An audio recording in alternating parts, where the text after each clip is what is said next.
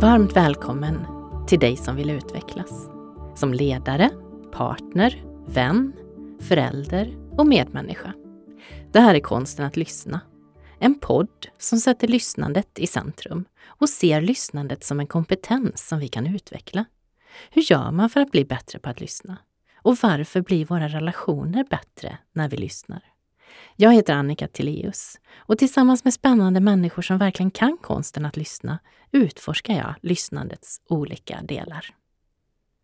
I detta avsnitt handlar det om att lyssnande kan vara läkande. Jag har bjudit in Lasse Brandmannen Gustafsson. Lasse är föreläsare och leder bland annat kursen Tala så det känns. Och det känns när han berättar om hur viktigt lyssnandet var för att han skulle läka som människa efter att ha blivit svårt brännskadad under en utryckning som nybliven brandman. Han delar hur hans kraftlöshet blev en styrka som tvingade honom att välja sina tankar för att inte glida ner i mörkret. Och hur hans kollegors lyssnande var avgörande för att han skulle läka till kropp och själ. Och om sjukvårdspersonalens fantastiska förmåga att se Lasse bakom brandskadorna. Varför är acceptans så viktigt? Och vilka insmugglande meddelanden kan det finnas i tystnaden? Det här är konsten att lyssna.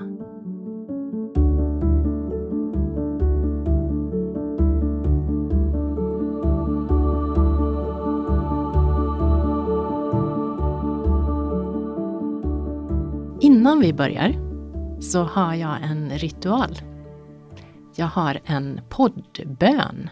Åh! Mm, den går så här.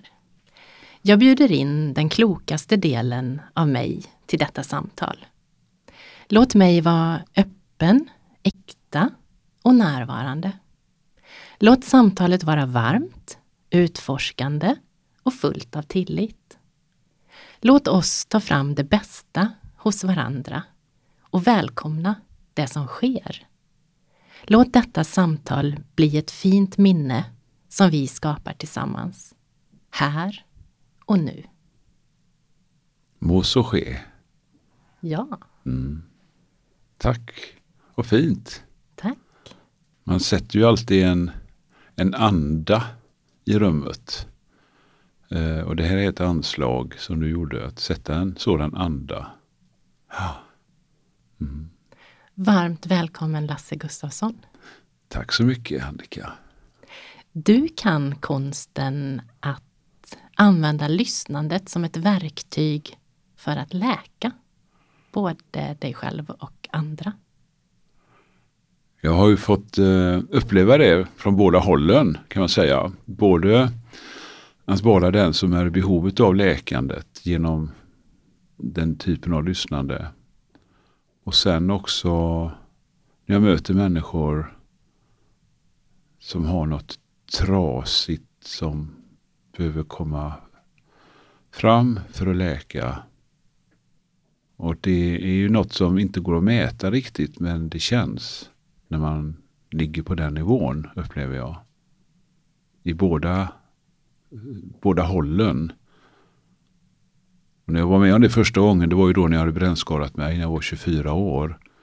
Och möttes av det där lyssnandet som är just öppet och tryggt, tillitsfullt, icke-värderande. Och då hade jag inga ord för det som 24-åring. Men jag upplevde ju hur, alltså, du vet så rent instinktivt så kändes det som att det här är, ett, det här är någonting heligt som händer nu. Och när någonting heligt händer, då blir det också helt. Mm. Och den, den, den, den läkande effekten gjorde mig hel, kan man säga. Mm. vet att du har berättat vid något tillfälle om, eh, du var ju väldigt svårt brännskadad och låg nedsövd i ett par månader. Mm. Och jag har för mig att du har sagt vid något tillfälle då att kroppen höll nedsövd för att kroppen skulle få läka och inte störas av tankeprocessen. Ja, och, och med den då kanske oro och ångest Och sen även smärtan, den fysiska smärtan. Eh, upplever man ju inte heller då när man är nedsövd. Så att jag var ju så illa skadad så att kroppens resurser behövdes för att just ta hand om alla de processer som sker i ett, det fysiska läkandet. Och då fick inte de resurserna splittras på smärta, ångest, oro och annat som kan skapas. Bland annat utifrån hur man tänker och relaterar till det man varit med om. Så det var eh, det var, det var, det var ju egentligen en befrielse kan man säga, den erövningen. Mm.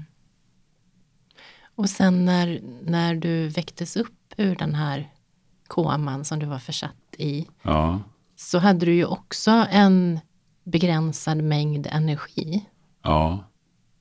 Hur resonerar du runt hur du använder den energin? Ja, då kan man väl säga då var det egentligen inget eh, kognitivt resonerande utan det var mer som att följa, följa någonting som kändes intuitivt eh, rätt.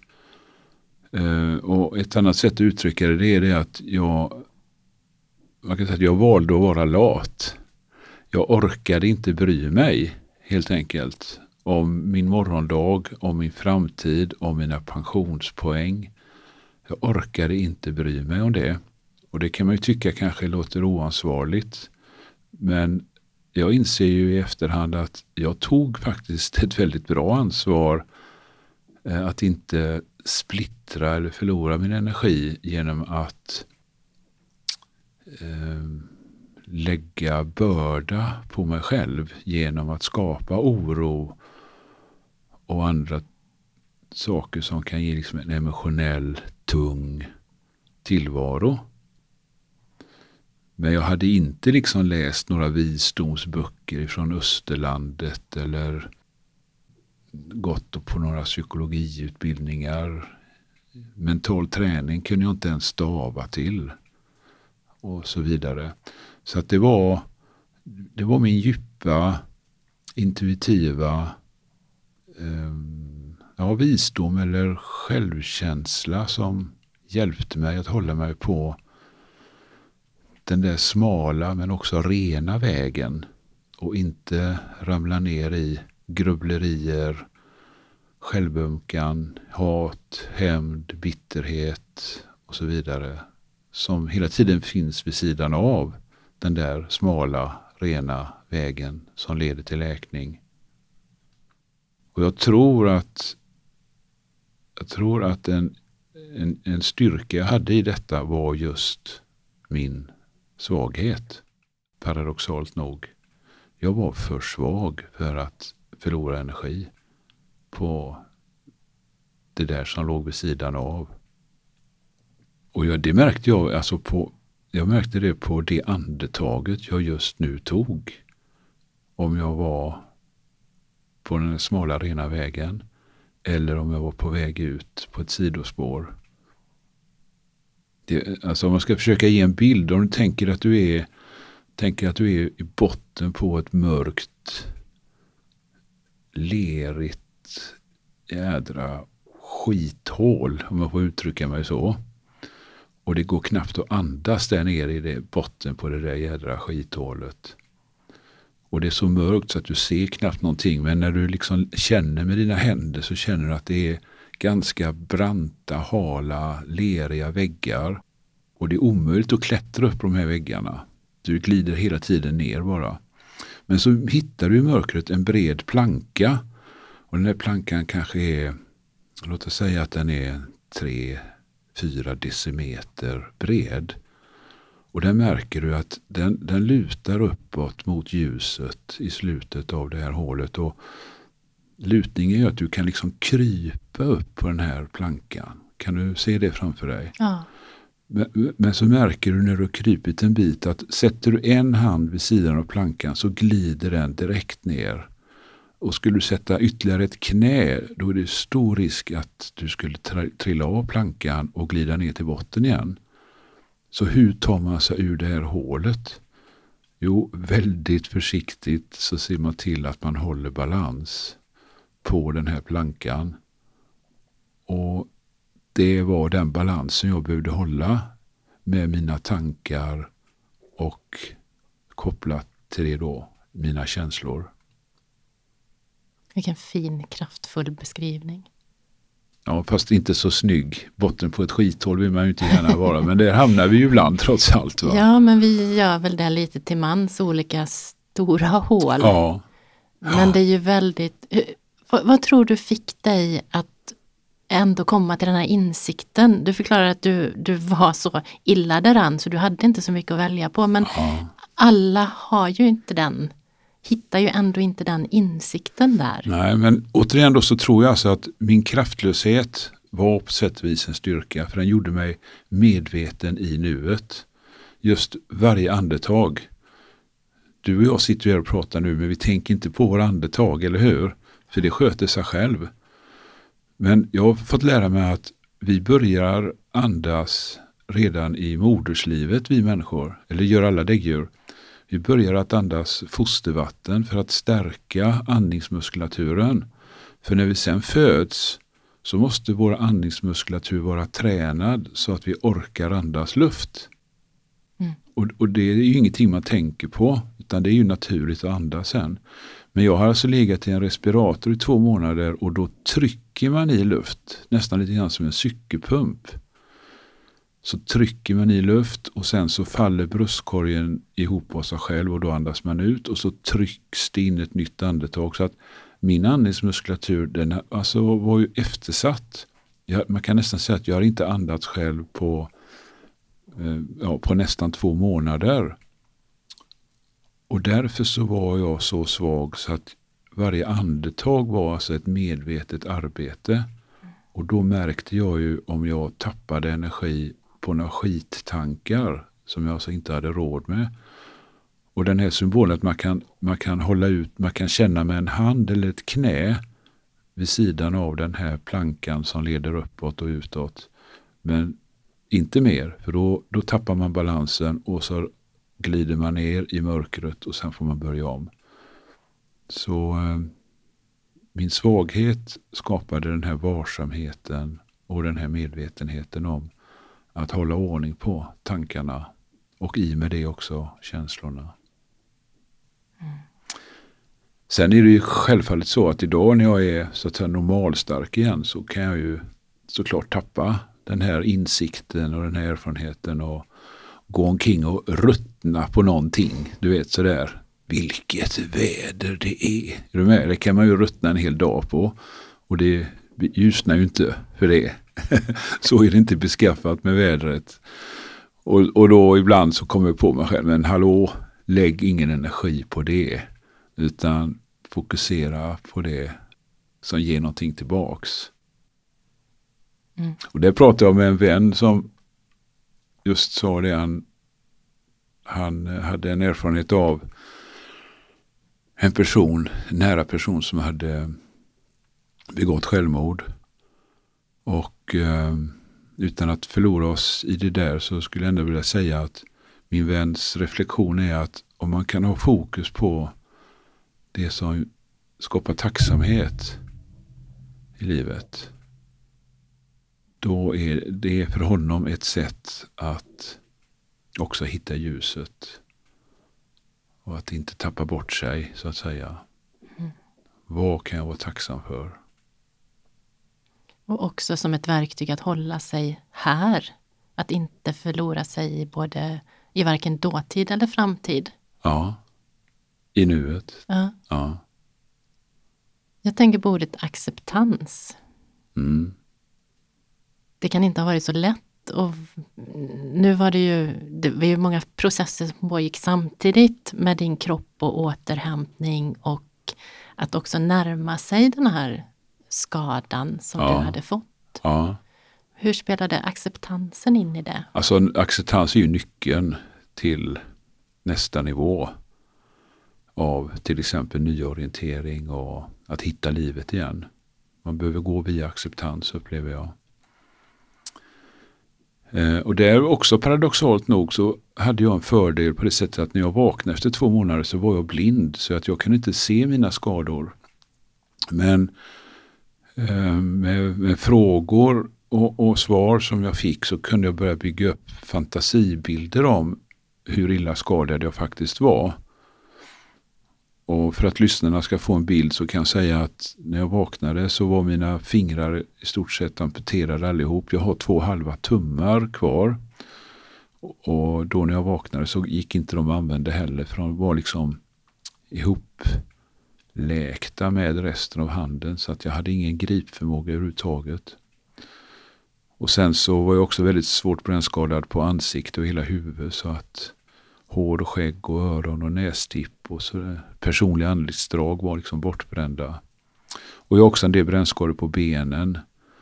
Eh, men det, jag hade alltså ingen fysisk upplevelse eller visuell upplevelse utav det. Utan eftersom jag var blind så fick jag det berättat för mig utav eh, min familj, mamma och pappa till exempel och utav vårdpersonal och sådär. Och givetvis så var det förfärande att höra att jag, alltså mitt, mitt, mitt forna jag, du vet när man ska legitimera sig själv så visar man ju en bild på sitt ansikte och så har man en namnunderskrift som är gjord av ens egna hand. Mm. Inget av det kunde jag göra. Och då är ju frågan, vem är jag då? Men i det här blinda tillståndet och i det här försvagade tillståndet så kände jag ändå på något vis inombords att jag är ju den jag alltid har varit här inne. Och det tog ungefär en månad innan de kunde avbandagera mina ögon och jag kunde liksom få chansen att se mig själv då i en spegel. Och givetvis så var verkligheten än mer förfärande än min fantasibild av hur jag såg ut. Men då var jag redan förankrad i mig själv. Jag är mig själv i grund och botten. Men mitt yttre är bränt till oigenkännlighet. Och det fanns ju såklart en sorg och en förfäran kopplat till det. Och det tror jag återigen att jag på sätt och vis hade nytta av min kraftlöshet för jag kunde inte hålla min sorg ifrån mig. Jag kunde inte bita ihop. Jag kunde inte låtsas som om att det kommer nog att gå bra det här.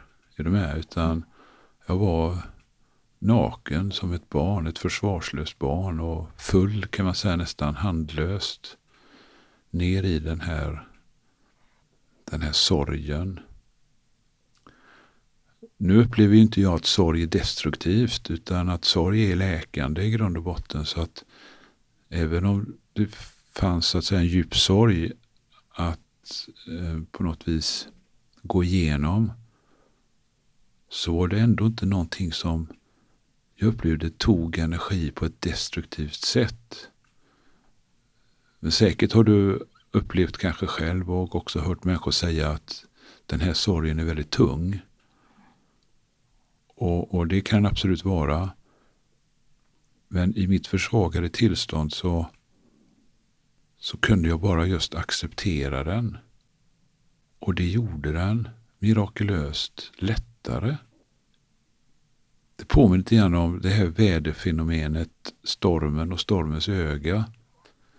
Att i stormen så kan du liksom slå som kull totalt och tappa andan. Men centralt i en storm så finns det ett lugn.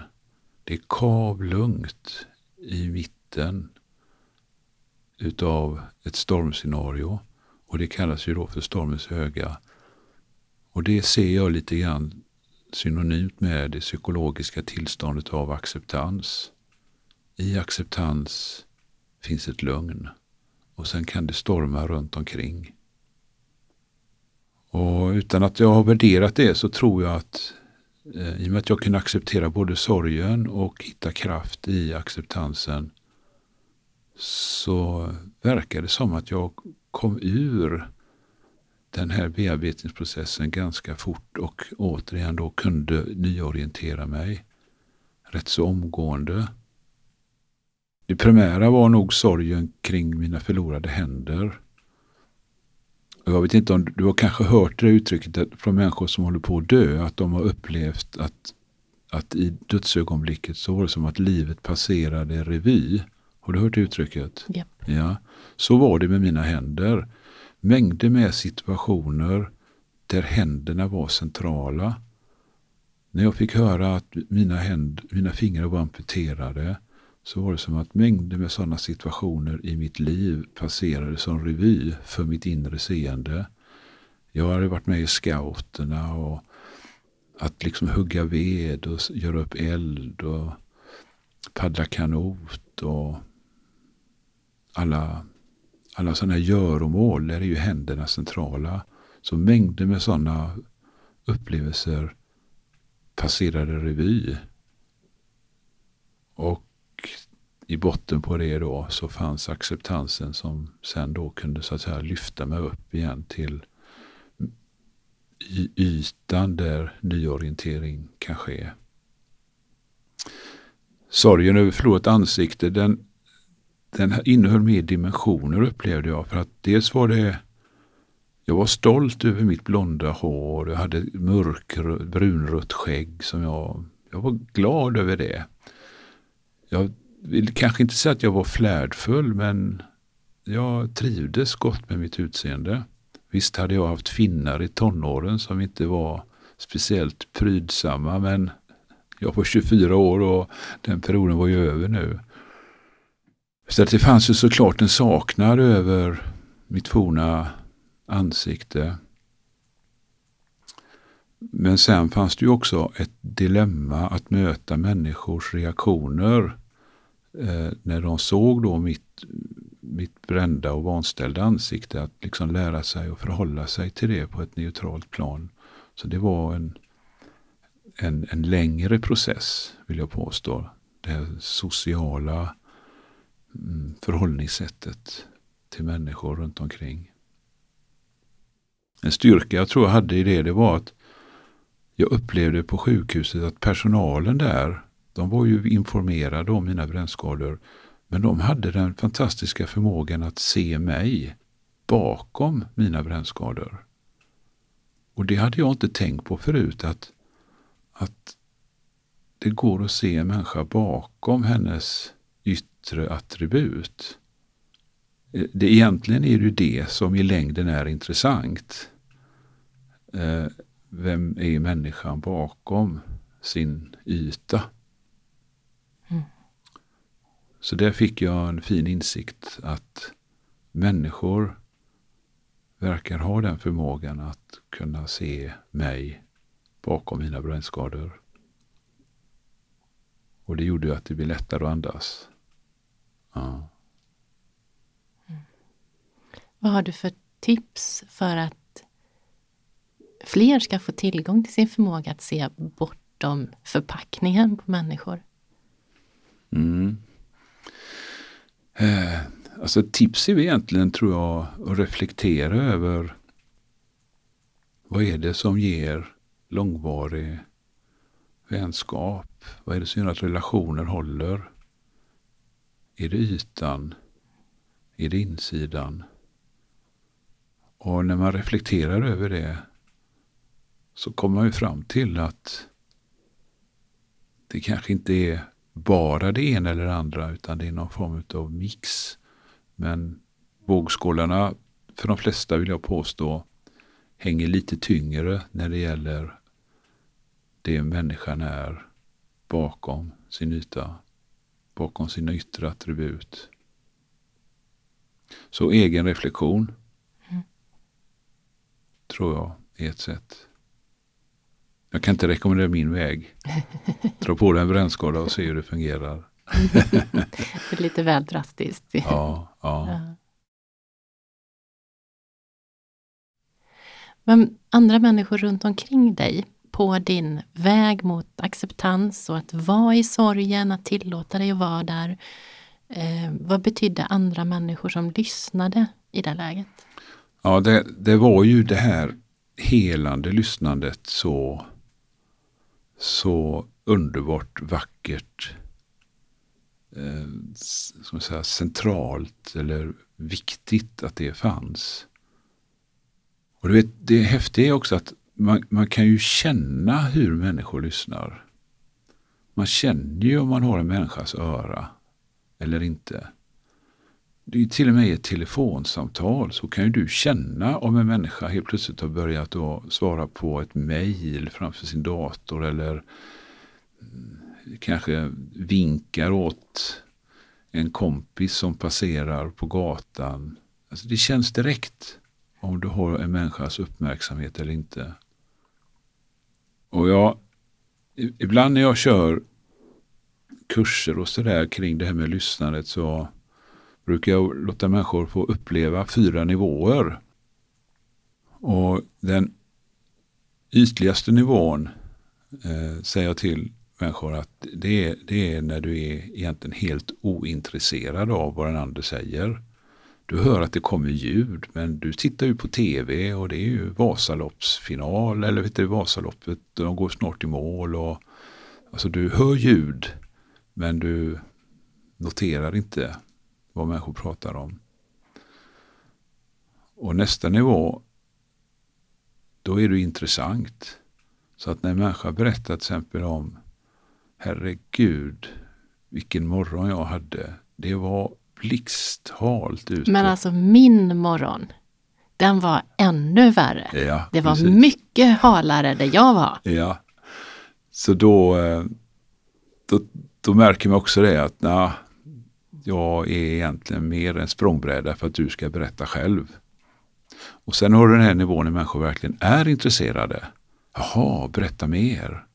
Hur gjorde du då? Va? Alltså du får, du får respons i lyssnandet men de tar inte över utan de är verkligen genuint intresserade. Och sen finns en fjärde nivå som man inte kan öva. För de här tre första kan man liksom köra som övning med igenkännande och mycket skratt och sådär. Men den fjärde nivån, då är du inte bara intresserad utan då är du liksom uppslukad. Du har tappat tid och rum i ditt lyssnande.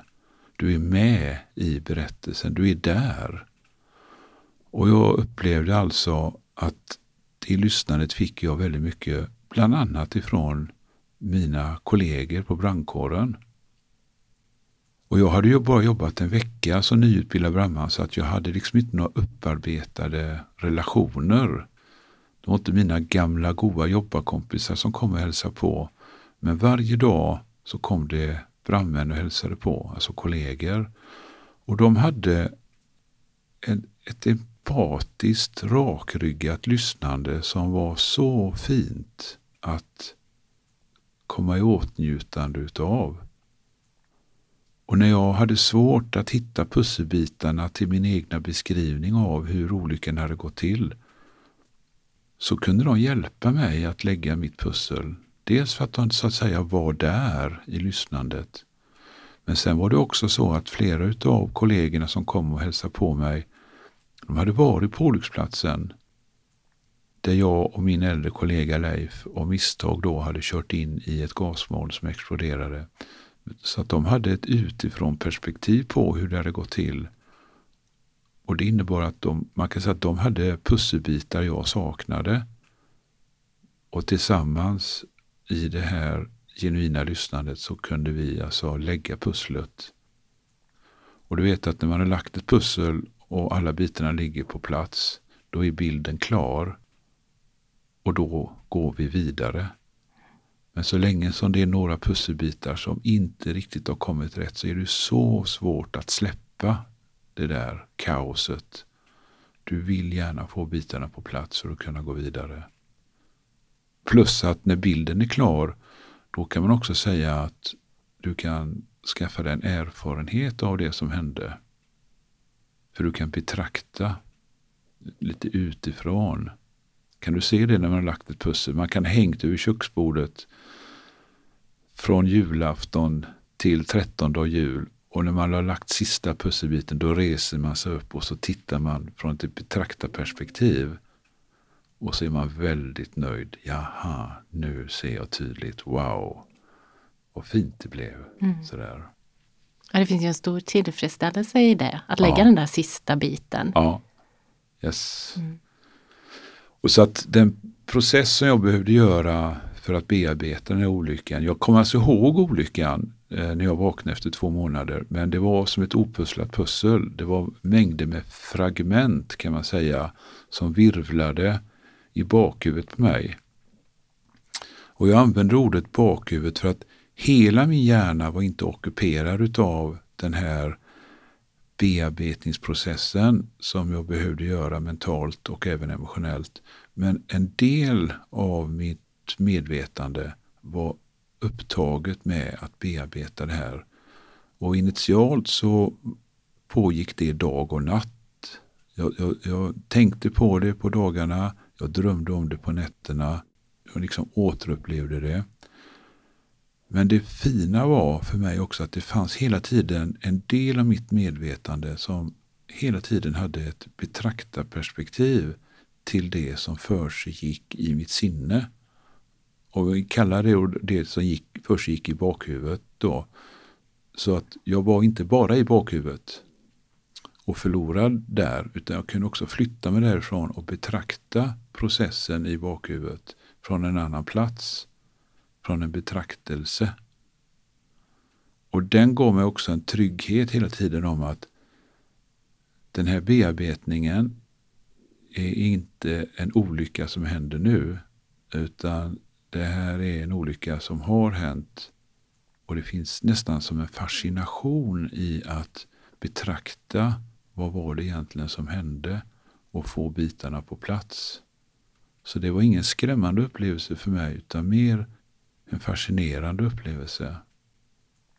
Och som sedermera då gav mig erfarenheter på många olika plan. Både när det gäller min egna självkännedom men också att hålla sig till eld till exempel. Och, och jag förstod ju det senare att det var viktigt att jag kom till den, till den erfarenhetsnivån så att jag kunde återgå till brandkåren utan att få posttraumatisk stresspåslag i mötet med nya eldsvådor som utryckande brandman. Jag jobbade som chaufför eh, efter olyckan, körde brandbil och sådär då var det viktigt såklart att jag inte överreagerade utan att jag kunde agera adekvat. Så där var den här läkningen och erfarenheterna viktiga för att få det perspektivet. Mm. Och det här sättet du beskriver att du tar nästan ett utifrån perspektiv på dina egna tankar. Var det ett sätt att också lyssna på dig själv och läka dig själv?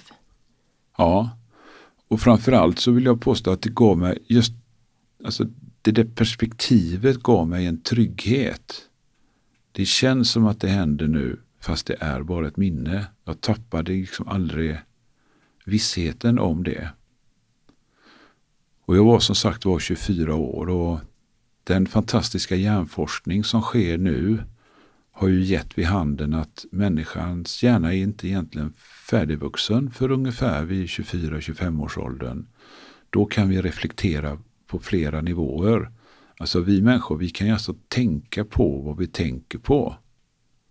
Det är, det är liksom flera nivåer som vi kan förhålla oss till våra egna tankar och känslor. Och Det kan vi först när hjärnan är helt färdigutvecklad. Så där hade jag ju den förtjänsten att jag hade en hjärna som var 24 år. Och de här som fanns runt dig,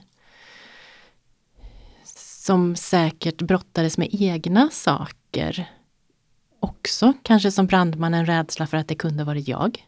Mm. Eller som en förälder som, vad har hänt mitt barn? Mm. Hur kunde de stå där och vara med dig och lyssna på dig utan att låta sig uppslukas av sina egna saker. Mm. Det verkar som att när vi verkligen utmanas i livet så kommer vi i kontakt med en kraft som vi i vardagen inte har tillgång till. Jag tror att vi växer med uppgifterna i livet. Jag har märkt till exempel min mamma, hon kan, hon kan liksom förfasa Ska du ut och cykla? Det regnar. Liksom precis som att det är världens olycka att man ska behöva cykla några kilometer i regn. Men jag har sett så många gånger att mamma har växt med uppgiften så att säga. Pappa har varit lite coolare på det sättet. Han har varit mer rädd att det ska kosta pengar. Men eh, ja, du kan se de här två gestalterna då. Mamma som förfasas över att det kanske regnar ute och pappa som tänker att det kan vara dyrt. så där. Men i, i det här så, så kommer det en kraft till oss som gör att vi växer med uppgiften. Men sen kan jag också säga att jag instinktivt valde att inte berätta om alla förfärliga detaljer för mina föräldrar. Men däremot så inför mina kollegor som hade den här yrkesmässiga erfarenheten att möta både katastrofer och människor i katastrofer så fanns just den här, den här rakryggade empatin där jag kände att de håller för vad som helst i den här berättelsen. De kommer inte att bli... Jag har lärt mig skillnad på medlidande och medkänsla. Medlidande kan vara ganska kletigt ibland. Du vet, man börjar värdera någons olycka. Liksom, Åh, vilken otur, stackars dig, det här kommer ju aldrig bli bra. Är du med på vad lätt det är att säga sådana saker i medlidande? Och det gör ju inte en människa stark. Utan tvärtom så kan man börja tro på det. Att det här kommer nog, nej det kommer nog inte bli bra. Sådär, va? Den typen av medlidande upplevde jag var väldigt, väldigt sällsynt bland mina kollegor. Däremot så fanns den här medkänslan. Och de sa inte jag tror att du kan klara detta. Det behövdes inte. För jag kände att i den här rakryggade medkänslan så fanns det en djup tilltro du kommer att klara detta. Och den skänkte mig också någon form av förvissning om det här kommer att gå bra. Och återigen, de sa det inte. Utan de bara satt där med det som en nästan som ett insmugglat budskap i tystnaden. Jag tror på dig. Det här kommer att kunna gå bra. Du är en av oss. Så jag känner mig så inkluderad i en kollegialitet. Har du tänkt på vad man kan säga utan ett enda ord, Annika? Ja. Visst är det magiskt mm. vad vi kan kommunicera ordlöst? Mm. Ja. Ja, och vilken styrka i det budskapet att de satt med dig i situationen, i händelsen. För om de också hade sagt, ja men det här kommer att gå bra. Där kan det ju också hända någonting att man går åt fel håll. Jo, jo, men mm. kom igen, att det finns en sån eh, där, där man inte riktigt accepterar olyckan eller status som den är. Mm. Och liksom, ja men kom igen, tänk positivt. Att det finns en liten baksida med de positiva budskapen. Som... Ja. De är ju ofta till för att peppa men det kan bli klämkäckt som gör att det, ja, det tappar relevans ändå. Va? Om du vill hjälpa en människa, tror jag Kierkegaard sa, så måste du finna henne där och när. Och det var det de gjorde. De fann mig där jag var. Och sen fanns det en tillit till att du kommer att kunna ta egna steg. Och vi kommer att gå jämte. Vi kan inte ta stegen åt dig, men vi kommer att gå jämte. Och precis så var det. Det är så vackert. Mm. Vilken visdom det ligger i det. Ja, faktiskt, eller hur? Mm. Ja. Och också som, som ett tips när man inte vet vad man ska säga. Ja. Så kanske man inte behöver säga något. Nej. Och kan man dessutom bara bortse från sina villrådiga tankar som lätt kommer med jag vet inte vad jag ska säga nu. Alltså om man liksom bara kan lugna ner hjärnkontoret. Jag behöver inte säga någonting nu. Så kan du istället inrikta din uppmärksamhet utåt i det lyssnandet som du kan så att säga bära en annan människas berättelse i. Det finns ju utbildningar såklart i lyssnande. Eh, det gör det. Men lyssnar vi inåt så märker vi att vi är redan kompetenta. Vi har en naturlig visshet och ibland även vishet i hur vi ska förhålla oss. Men vi behöver ibland lugna ner hjärnan och vila i den där inre vissheten eller visheten.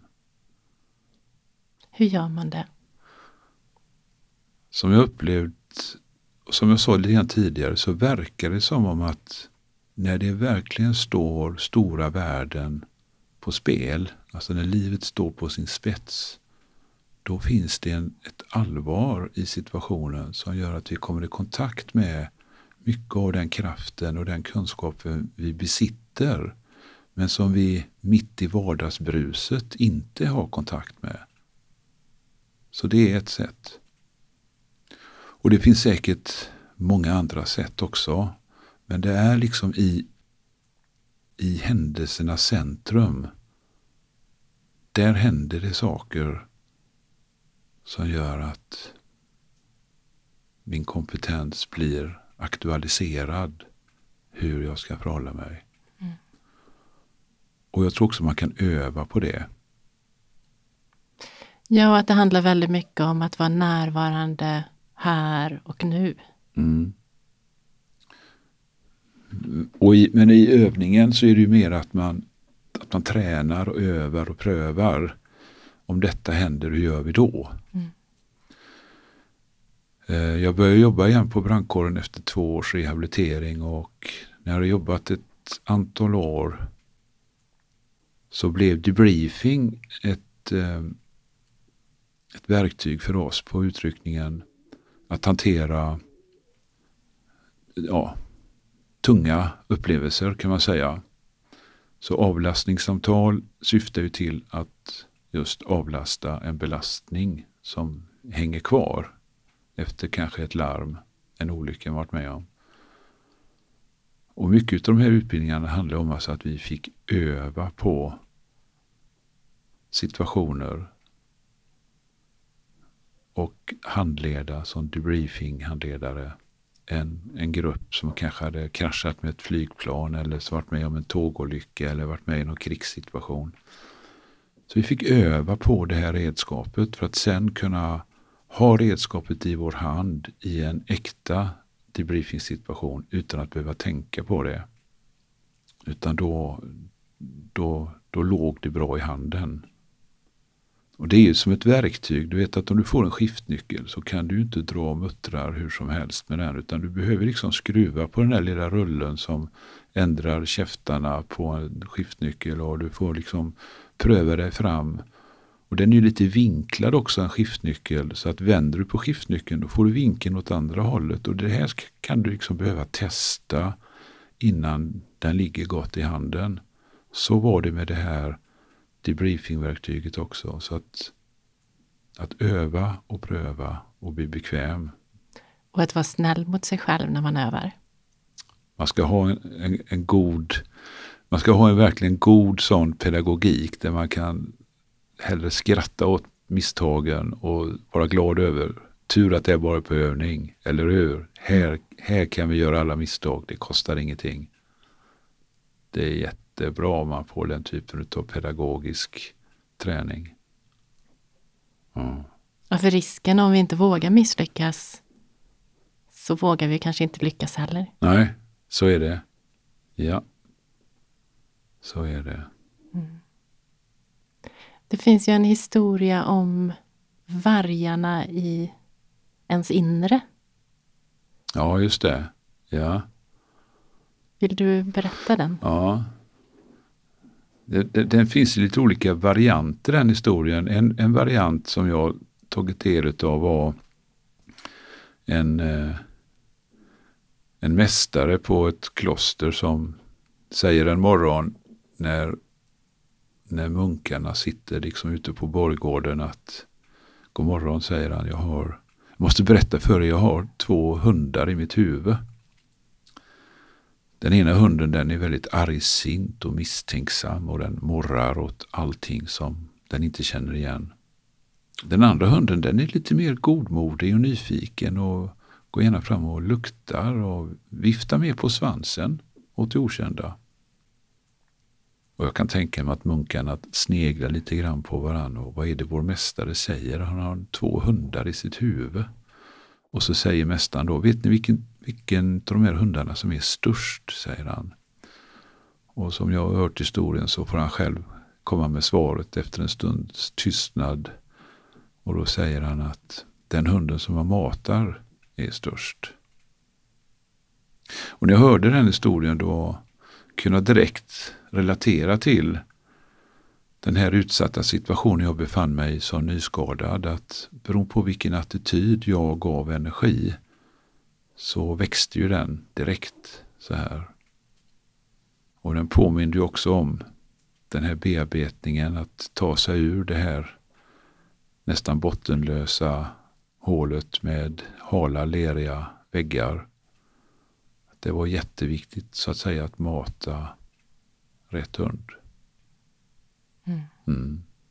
Och i tider av oro, hur gör vi? Medvetenhet är ju återigen ett sätt att kunna välja. Hur gör vi? Jag kan säga till exempel att min sambo Lena och jag, vi valde tidigt när corona slog till att bara lyssna på Folkhälsomyndighetens råd och information. Vi valde att inte söka ute på nätet. För det finns så mycket lättillgänglig information som spretar åt alla håll. Så det gjorde vi ett medvetet beslut. Vi förhåller oss så som Folkhälsomyndigheten rekommenderar och så låter vi det andra bero. Den hunden valde vi mata där.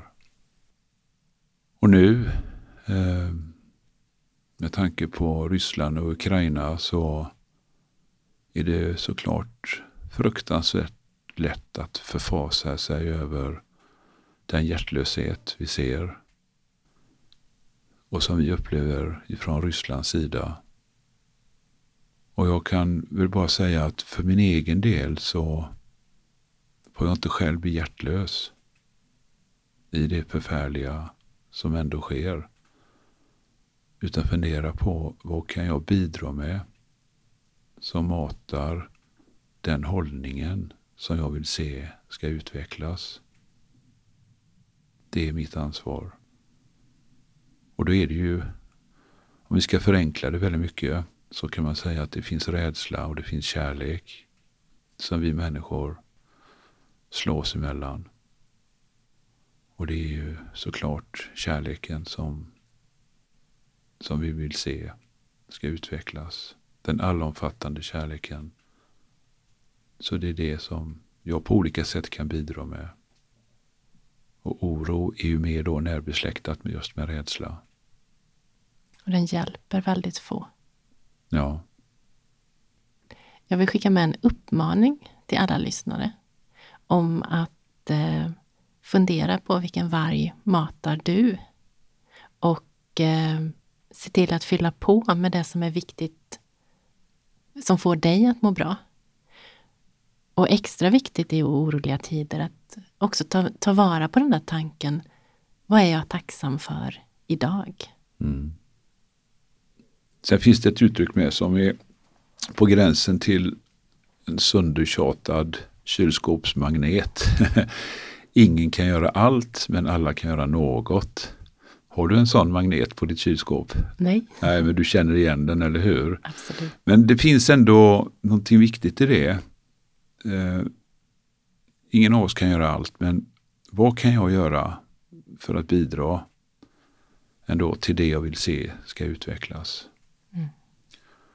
Och det kan vara, ja, jag vill inte ge exempel, men att var och en hittar någonting som jag kan bidra med på ett positivt sätt. Dessutom känna tacksamhet för det vi har. Mm. Jag är tacksam över att du kom hit. Stort tack Lasse. Tack Annika.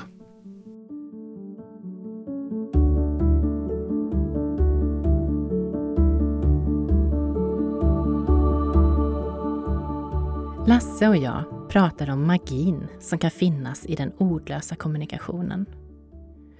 Jag följde med när Lasse, krypande på en smal spång, tog sig upp från den mörka, stinkande och leriga avgrunden. Om hur acceptansen var viktig för att inte kana ner. Lasse berättade att han var så svag att han inte kunde hålla sorgen ifrån sig. Men att sorgen inte var destruktiv, utan tvärtom läkande. Jag fick en påminnelse om hur viktigt det är att tillåta sig att vara i sorgen och att tänka på att finnas där för andra, även när jag inte vet vad jag ska säga. Att dela denna stund med Lasse var som att kliva utanför tid och rum. Jag hoppas att magin som uppstod hörs. Tack Lasse för ett fantastiskt minne som jag alltid kommer att bära med mig. Konsten att lyssna finns både som bok och podd och görs tillsammans med Bazar förlag. Alla avsnitt i säsong 1 finns i Podplay-appen och på podplay.se. Självklart helt gratis. För att alla ska kunna lyssna finns avsnitten även textade på konstenattlyssna.se. Vill du ha bonusmaterial och diskutera avsnitten så gå med i Facebookgruppen Konsten att lyssna. Om du gillar podden och vill att fler ska bli bättre på att lyssna så kan du hjälpa till genom att betygsätta podden och dela avsnitten. Tack för att du har lyssnat!